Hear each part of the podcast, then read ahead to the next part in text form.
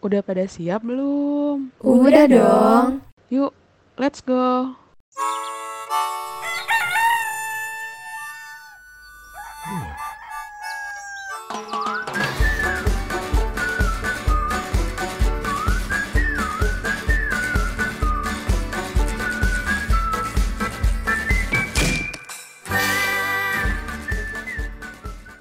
Halo Femkos. Sekarang kamu lagi dengerin iPod. IKK Podcast.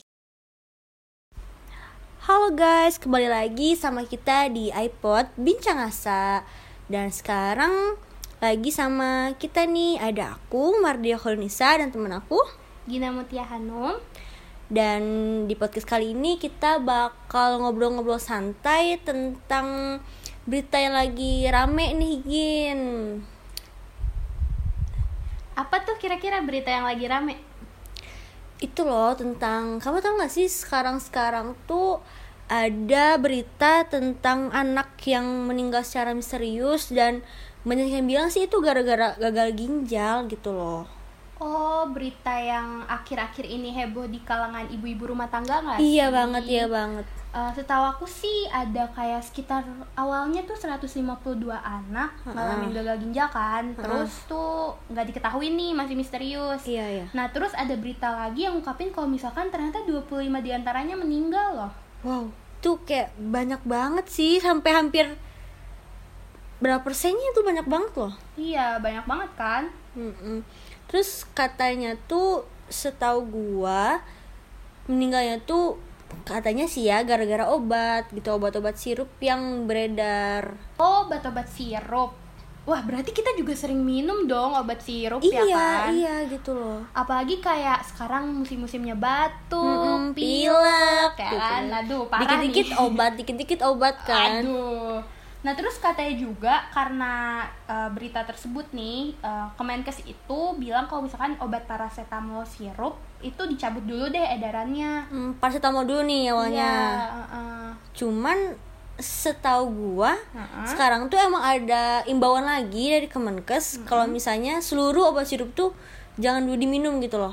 Oh, itu baru ya berarti baru ya? itu itu yang terbarunya gitu jadi awalnya emang paracetamol dulu terus sekarang sekarang semuanya jadi mau buat batuk cold pill apa pun yang sirup sirup tuh imbauannya tuh untuk ya nggak diminum dulu deh gitu katanya mau diteliti dulu gitu takutnya ada kandungan apa gitu yang berbahaya Oh, ala kayak gitu. Nah, setahu gue juga itu dikeluarin sama Ikatan Dokter Anak Indonesia atau IDAI kalau misalkan eh, abis dari yang imbauan itu tuh ada berita baru lagi. Apaan tuh? Ternyata 206 eh, anak itu mengalami gagal ginjal jadi nambah dan yang meninggal pun juga bertambah jadi 99 orang. waduh jadi emang sakit tuh gagal ginjal semua ya bukan ke penyakit lain juga gitu loh Iya, jadi kayak emang eh, si anak ngalamin beberapa gejala terus dikatakan sama dokter gagal ginjal dan bahkan akut gagal ginjalnya. Kayak parah banget ya.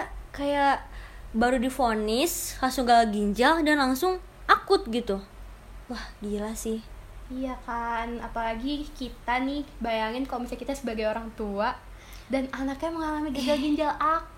Aduh. Khawatir banget panik sih itu. Iya. Apalagi tahu karena obat kan. Iya. Yang mana Bah, kita harusnya tuh menyembuhkan tapi kok malah nambah penyakit gitu nah kan. iya tuh berarti kayak dari segi ibunya aja tuh udah tertekan banget Iya. nah terus eh, abis itu ternyata ada berita baru kalau misalkan eh, Kemenkes itu eh, menariknya itu eh, semuanya dan 15 obat itu diketahui mengandung etilen glikol lu tahu nggak Ethylene glycol. apa iya Alah, ethylene glycol nih, gue pernah denger nih. Jadi sebenarnya ada rumor gitu, ethylene glycol ini punya substansi lain. Dan yang harus ada pada obat itu tuh sebenarnya bukan ethylene glycol, tapi si substansi lain ini. Cuman si senyawa kimia substansi lain itu harganya kata lebih mahal dan katanya sih susah didapat gitu. Jadi digantilah pakai ethylene glycol yang katanya harga lebih murah tapi ada rumor yang bilang kalau si ethylene glycol itu beracun gin. Oh ala, iya sih gue juga sempet baca beberapa berita kalau misalkan ethylene glycol itu beracun kalau misalkan dia di atas ambang batas. Oh, Jadi iya. kayak ya dia beracun yang sampai bener-bener bikin orang meninggal tuh kalau misalnya dia Udah di luar banyak banget uh-uh, gitu loh. ambang Oh, batas iya. aman. Nah, makanya uh, pada tanggal 20 Oktober kemarin ini Hmm? uh, si BPOM udah mulai kayak narik-narikin gitu Iya, gitu sih yang gue tahu. Kayak ini tadi juga buat dicek-cek gitu gak sih biar kayak oh ini obat yang aman, obat yang enggak gitu biar Hmm. kita juga lebih aman lagi lah kalau minum obat jangan sampai kita mau sembuh eh malah sakit gitu. Nah iya, dulu tapi sebelumnya udah tahu belum nih obat apa aja sih yang udah ada etilen glikolnya itu? Aduh kalau sejauh ini sih gue belum tahu ya, cuman banyaknya tuh yang gue pernah dengar obat-obat batuk anak. Kayak eh, apa tuh namanya? Baby cook. Tuh Oh. kalau nggak salah itu ada. Terus pokoknya gue lupa. Cuman intinya tuh baiknya tuh malah di obat anak-anak gitu loh. Hmm. Ini sebenarnya udah ada beberapa merek yang dikeluarin sama BPOM yang ternyata emang bener-bener mengandung uh, etilen glikol. Nah itu Hmm, apa aja tuh, ada Thermorex. Oh, Thermorex? ada- iya kan itu Duh, padahal kayak di iklannya di mana-mana nggak sih? Iya. Aduh. Siapa sih yang gak pernah minum Iya, Thermorex? gua juga gitu? pernah. iya, itu sedih banget nih dengarnya. Terus ada Fluorine DMP Syrup. Mm-mm. ada uni baby cough syrup nah itu yang tadi gue tahu yang oh itu. itu ya tadi ya Iya, sama yang berarti. baby cough, iya. yang uni baby ini banyak nih jadi kayaknya perlu hati-hati nih Iya. teman-teman ini tuh dijual di warung-warung gitu loh Gin. Iya. Nah terus eh, karena ini kan kayak ya kalau misalnya dari obatnya oke deh kita bisa ngehindarin. Tapi kalau misalnya dari gejala gagal ginjalnya sendiri lo tahu nggak gejalanya tuh apa aja? Gue sempet denger-denger sih si gejala awal gagal ginjal akut ini tuh gejala itu mirip-mirip dari beberapa kasus. Misalnya tuh kayak diare mual Hmm. muntah terus cepet ngantuk biasanya anak-anak tuh. Terus katanya eh, mereka tuh si pipisnya tuh makin sedikit bahkan sampai nggak bisa pipis gin. Walah. kayak aduh kasihan banget gak sih? Itu pasti sakit. Heeh. dan katanya mereka juga ada demam-demamnya gitu demam sekitar ya 3 sampai lima hari batuk sama pilek sih gitu Oh alah, jadi ngantuk tuh juga masuk ya? iya Gejala ngantuk jadi kayak aduh kok takut Iya, gitu kayak agak berkaca Iya. jadinya ya.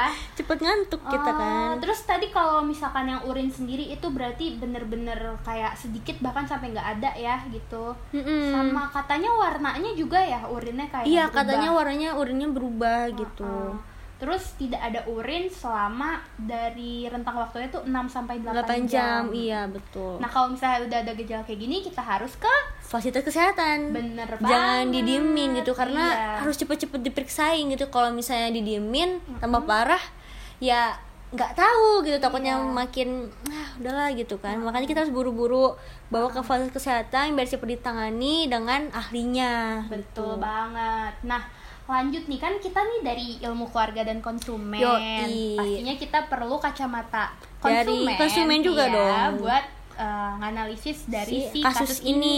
ini. Hmm. Nah, kalau misalnya dari lu nih Mar, lu ada nggak nih yang pengen dikasih tahu ke teman-teman podcast kita tentang gimana sih sebagai konsumen kita seharusnya bertindak gitu. Oke, jadi setiap konsumen itu kan harus berdaya ya, kita juga punya hak dan kita juga punya kewajiban nih gitu. Apalagi kalau misalnya dalam membeli sesuatu. Mm-mm. Terus kita tuh dalam membeli obat nih terutama kita tuh harus punya pengetahuan nih tentang kesehatan yang bisa kita sebut itu common sense gitu. Bener banget, gue setuju banget.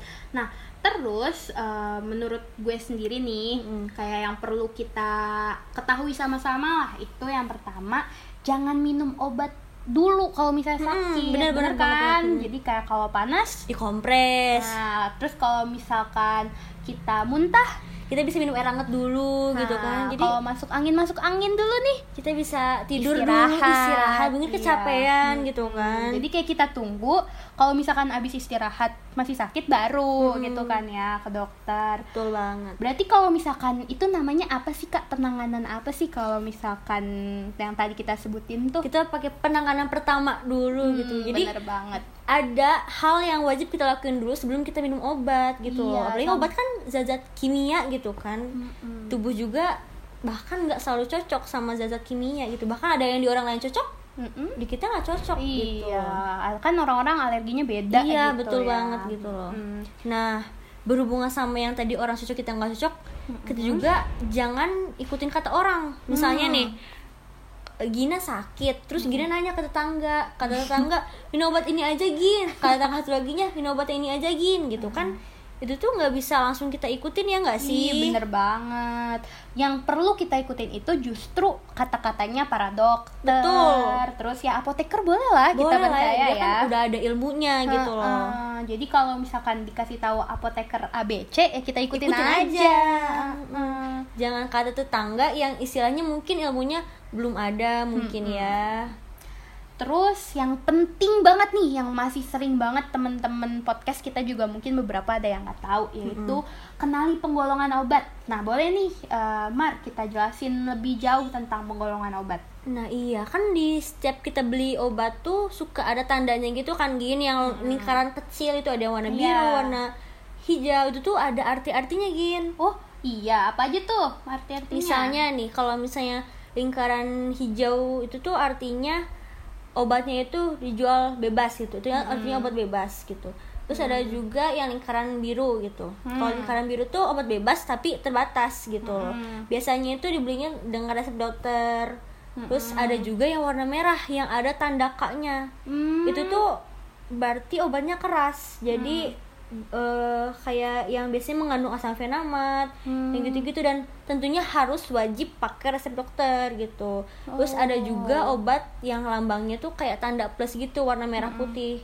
Sebenarnya ini jarang sih, cuman kalau misalnya ada harus hati-hati karena obat yang kayak gini tuh termasuk obat narkotika. Terus ada juga loh Gin tentang eh, tanda-tanda obat ini tuh yang kayak obat herbal gitu-gitu. Kamu tahu nggak Gin kalau tentang obat herbal gitu-gitu?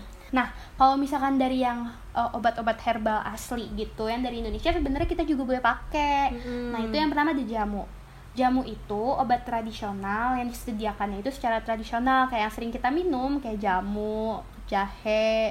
Lambangnya Uh, gimana tuh? lambangnya Gin? tuh kayak daun Oh, yang kayak pohon gitu ya, yang kayak Iya. daunnya banyak Uh-uh. gitu ya. Oh iya kayak tahu tahu. ranting terus ada daun-daunnya. Oh nah, iya, itu tuh berarti warna tandanya hijau jamu. putih ya gini. Iya. Mhm. Nah, itu tuh uh, di jamu itu sendiri tuh kayak ya itu masih tradisional banget dan Hmm. belum uh, uh, dilakukan ujinya tuh belum Oke, ada. iya, Tapi ha-ha. kita udah boleh sih pakai gitu. Hmm. Kemudian ada yang namanya obat herbal terstandar. Nah, kalau Hmm. misalkan ada kata terstandarnya itu lambangnya itu dia ada bintang gitu, Hmm. ada tiga di dalam lingkaran itu warna hijau juga. Hmm. Nah, kalau itu uh, dia itu uh, berupa ekstrak atau penyaringan bahan alam yang dapat berupa tanaman obat, binatang maupun mineral. Nah, ini tuh biasanya udah ada pembuktian ilmiahnya. Hmm, Jadi udah gitu ya.